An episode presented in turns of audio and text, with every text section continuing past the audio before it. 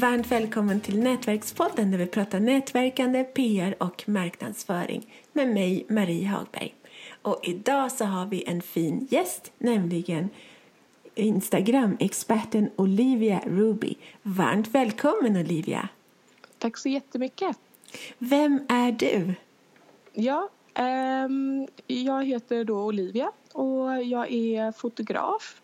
Um, och det var jag redan Eh, tio år sedan om man säger så, i Sverige. Men eh, jag eh, tycker att den kreativa industrin i Sverige är blomstrande när det kommer till talang men inte så mycket när det kommer till ehm, att det finns några möjligheter att försörja sig eh, som kreativ i Sverige. Där tycker jag de är lite mindre. Och därför valde jag att åka till Australien för tio år sedan och där hade jag min yrkesverksamma eh, karriär som fotograf. Ehm, sen ringde mamma mig en dag och sa att de skulle sälja mormors stuga i skogen. Ehm, och då fick jag hjärtklappning och sen så ringde jag upp henne direkt och sa jag kommer hem och jag köper den. Och det var ingen som trodde på mig. Eh, de trodde jag var helt galen. Och min man i Australien trodde jag var helt galen. Men jag hade bara bestämt mig att jag skulle hem och köpa den här stugan. Det var det viktigaste just då. Och då tänkte jag till och med att ja, nu får jag väl lägga ner och vara fotograf. Då. Jag får väl hitta på något annat. Kan väl bli trädgårdsmästare eller ja, någonting då annat som jag tycker är kul. För fotograf tänker jag inte bara vara i Sverige. Så jag åkte hem till Sverige och sen så började jag med, eh, med något helt annat då. Eh, och jag gjorde såna här middagar i skogen mm, där jag lagade liksom saker som kom från naturen och ehm, ja, flera små rätter och sådana saker. Och sen skaffade jag mig ett Instagramkonto för jag tyckte det var synd att jag liksom tog sån tid att lägga upp all den här maten och så hade jag ingen minne av det liksom. Så att jag började fota den här maten och sen la upp den på Instagram och tänkte att det skulle bli någon form av marknadsföring, eh, någon light-version liksom. Men det blev inte riktigt så utan det började gå jättebra för mig. Det bara rullade in följare och det fick mer och mer och när jag kom upp till 6 000 ungefär då började det komma massa seriösa er, här erbjudanden både eh, inom Sverige lite grann och sen mycket mycket internationellt med förfrågningar om jag ville göra olika projekt. Och precis när alla de här grejerna kommer då födde jag min första son. Så då blev det lite sådär, jag fick säga nej rakt liksom, ja, nej till massa roliga saker. Nej. Och hur lång tid tog det för dig att komma upp i 6000 följare? Det är ju superbra det tog en månad att komma upp till tusen och sen så gick det lite fortare så jag tror jag kanske var uppe på 6000 efter tre månader. Jesus Kristus. Men ja, det var häftigt och det, jag blev så ivrig också för jag såg verkligen den här, alltså den här helt råa potentialen för Instagram som plattform när det kommer till att jobba kreativt. Um, och jag hörde, jag pratade ju med många andra som är, också hade stora konton och liksom hur de kunde leva genom sina stora konton i princip. Det enda de gör är att hålla på med Instagram. Nu är det ju lite annorlunda på Instagram fortfarande för de har ju satt lite breakar på oss som växte för mycket. Yes. Uh, så vi sprids inte till alla våra följare längre och sådana saker. Det är lite sen Facebook kom in. Tråkigt. För de vill ju att vi ska betala för att uh, spridas då. Men för små konton så finns fortfarande den där råa potentialen kvar att växa eh, ganska starkt. Hur gör man då? Förutom att ha, du har ju fantastiskt vackra bilder. Men uh -huh. vi som inte är så, så skickliga fotografer, vad ska, har du något tips till oss? Ja, absolut. För eh, det tar inte lång tid för folk att bli bra på bilder. Jag var lite chockerad som har jobbat som fotograf över hur snabbt alltså folk som har driv blir riktigt bra på fotografi. För jag såg ju de här som jag först tänkte oj, oj, här ja, det var inte så spännande här. Och sen bara en månad senare bara, men oj vad hände med henne? Hon har ju blivit jätteduktig. Och sen så, liksom, så ser man liksom att den här typen av plattform accelererar den mycket snabbare än vad yrkeslivet gör. För att du måste göra det här varje dag. Alltså, det är liksom, du, du lägger dina 10 000 timmar som man brukar prata om mm, när det kommer till att bli bra på någonting. De lägger du ganska snabbt. Liksom.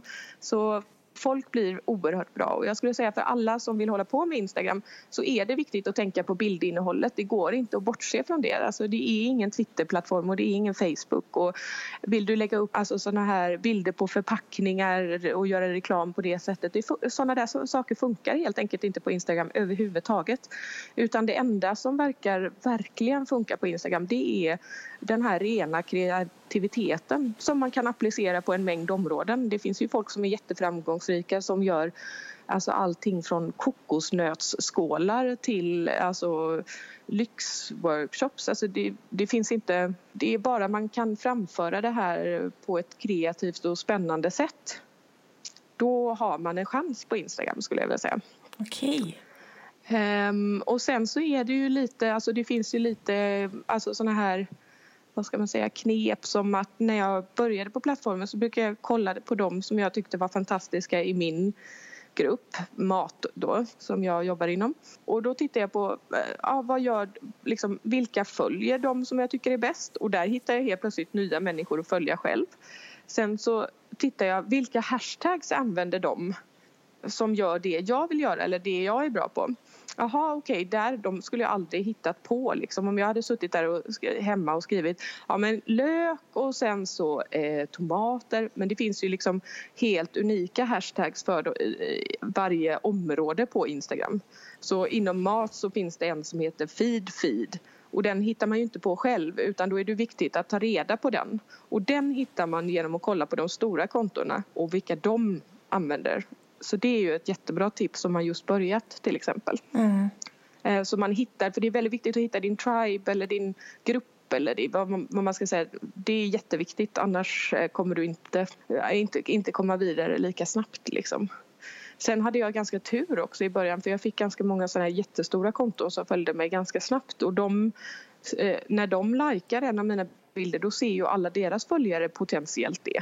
Så att då kan du växa mycket, alltså då måste, vara, då måste de vara på rätt till, eh, ställe på rätt eh, tid. Så att det är bara en liten procent som ändå ser det. Men det är ändå eh, en större spridning än vad man skulle ha om man inte hade det. Alltså, ja, och regelbundenhet är viktigt.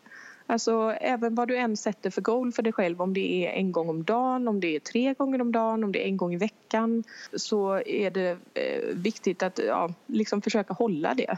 Jag tror det är algoritmerna som är, ja, har, har liksom bakgrunden på alla de här sociala plattformarna. Jag tror det är de som verkligen gillar regelbundenhet. Okay. Um, så att det, och sen så skulle jag vilja säga att det är viktigt att använda Instagrams nya funktioner som stories där man kan lägga upp videos och, eller fina bilder eller liksom ja, jag ser en trend och att folk lägger hela sin marknadsföring i stories och sen så håller sina feeds rena och kreativa om man säger så. För de flesta stora konton på Instagram de, ja, de säljer någonting. Alla säljer någonting. Mm. i princip. Om det är sig själva eller om det är en produkt eller om det är eh, att göra marknadsföring för andra märken och sådana där saker. Då, är det ju, då kallas man influencer. Vad ska man inte göra? Vad ska man undvika på Instagram? Åh, oh, vilken bra fråga. jag tycker man ska undvika... Alltså man ska, måste tänka på Instagram som... Alltså det är en plattform full av kreativa människor. Och kreativa människor Eh, nu ska inte jag tala om alla som en grupp men jag talar om dem som en grupp utifrån mig, vad jag har observerat då. Så jag säger till exempel är det inte så bra att lägga till exempel förpackningar i sitt flöde. Du vet att man liksom bara, här är min tandkräm jag har gjort och där är liksom hela förpackningen och allting sånt. Istället så ska du försöka visa tandkrämen på ett nytt och spännande sätt som gör liksom att det känns som att ett, man inte har sett det förut, två, alltså eh, ta, ta bort det här lite som känns som den traditionella, lite gamla förlegade reklamen. Liksom att det är liksom, man håller upp alla förpackningar hela tiden och de ska vara i fokus och center och sådär. Det är absolut inte så på Instagram. Om du gör det så kommer du nog antagligen inte ens lyckas med att vara där. Utan det är verkligen viktigt att försöka ja, hålla på kreativiteten och göra saker som folk inte har sett förut. Jag kan också tänka på att jag, jag tycker personligen att det är väldigt trevligt när man svarar på sina kommentarer åtminstone om man har ett eh, konto som ja, det inte skulle ta hela dagen att göra det. Um, det är väldigt trevligt och jag fick, eh, blev en sån här suggested user på Instagram. Wow. Det betyder att man får lite extra marknadsföring av själva plattformen, liksom, att de sprider den då. Um, och det var ju spännande men de skickade också ett brev till mig där de sa att vi tycker att du beter dig väldigt trevligt på plattformen. Kul. Och det är också del av, det och dina vackra bilder är del av att eh, du får den här suggested user featuren jag tror det var de menade då bland annat att jag till exempel svarade på mina kommentarer och att jag dessutom inte bara satt i mitt eget konto hela tiden utan att jag gick ut och hittade saker jag tycker var vackert och så skrev jag en kommentar där också. Och där kan man vara ganska liberal, alltså du behöver inte känna sådär men jag känner ju inte dem. Eh, alltså det, det, här är en internationell stor global plattform. Det är många som inte känner varandra och man kan ändå lämna en, en trevlig kommentar på någonting man tycker är fint eller inleda en konversation. Det är till och med så att det är, vad ska man säga, det, det, det är inte bara okej okay, utan det är till och med uppmuntrat ehm, uppmuntrat av plattformen att göra så. Och det handlar ju också, det är en social plattform och de vill ju eh, att det ska handla om community och det är ju det som byggs då på plattformen. Jag har nu, känner jag efter de åren jag har varit där, en stark community bakom mig som är ja, internationellt eh, i sitt utseende. Det är folk från alltså, hela delar av nästan alla världsdelar, eh, alla länder. Det är eh, så intressant också för det är helt annorlunda än att vara i arbetslivet där allting är lite mer strikt. Här är liksom allting så löst och öppet öppet. Liksom. Det är folk som säger men du, vill du komma när jag var i Frankrike till exempel och taggade att jag var i Frankrike då, då hör folk av sig. Vill du låna nycklarna till min farm? alltså, ja. det vill jag. Men, alltså, det, det är så konstigt, det är som en sån här familjär känsla på Instagram som att ja men ta min vingård, jag, jag är inte där, jag, jag kommer på måndag, om du är där då så, så ses vi. Alltså det, det är sån här jätte eh, underbar vad ska man säga, communitykänsla. Och man är inte rädd eller så utan man känner liksom eh, sån, eftersom man känner folken genom kontona, man har sett dem på stories, man, liksom, man känner nästan som att man känner dem redan även innan man har träffat dem eftersom man har spenderat så mycket tid med att ta del av deras vardag eller deras content eller deras jobb eller ja, så vidare. Och det är nog min favoritfunktion på, eller liksom det, min favoritdel av Instagram har varit att det är så otraditionellt och det är så öppet och det är så eh, konstnärligt på ett sätt. Alltså det är som en stor konstnärlig community på något sätt som kanske var centrerat eh, kring ett café förr i tiden eller, något, eh, eller ett hotell, Chelsea Hotel eller något sånt där. Alltså det har blivit en sån hubb liksom för människor som är på ett visst sätt. Och, ja. och där får vi sätta punkt. Det, vi, vi måste ju ut på Instagram nu och kolla vad som händer. Ja, absolut. Lycka till! Tack så mycket för att du var med. Tack. Ja. Hej. hej, hej. Det här avsnittet presenterades av webbtjänsten Hjälp en journalist. Den är till för företagare som lättare vill få värdefull publicitet i radio, TV och tidningar samt journalister som lättare vill hitta intervjupersoner till sina artiklar, radio och TV-program. För mer information gå in på www.hjälpenjournalist.nu Punkt nu. Förstås utan prickar på ät. Varmt välkommen!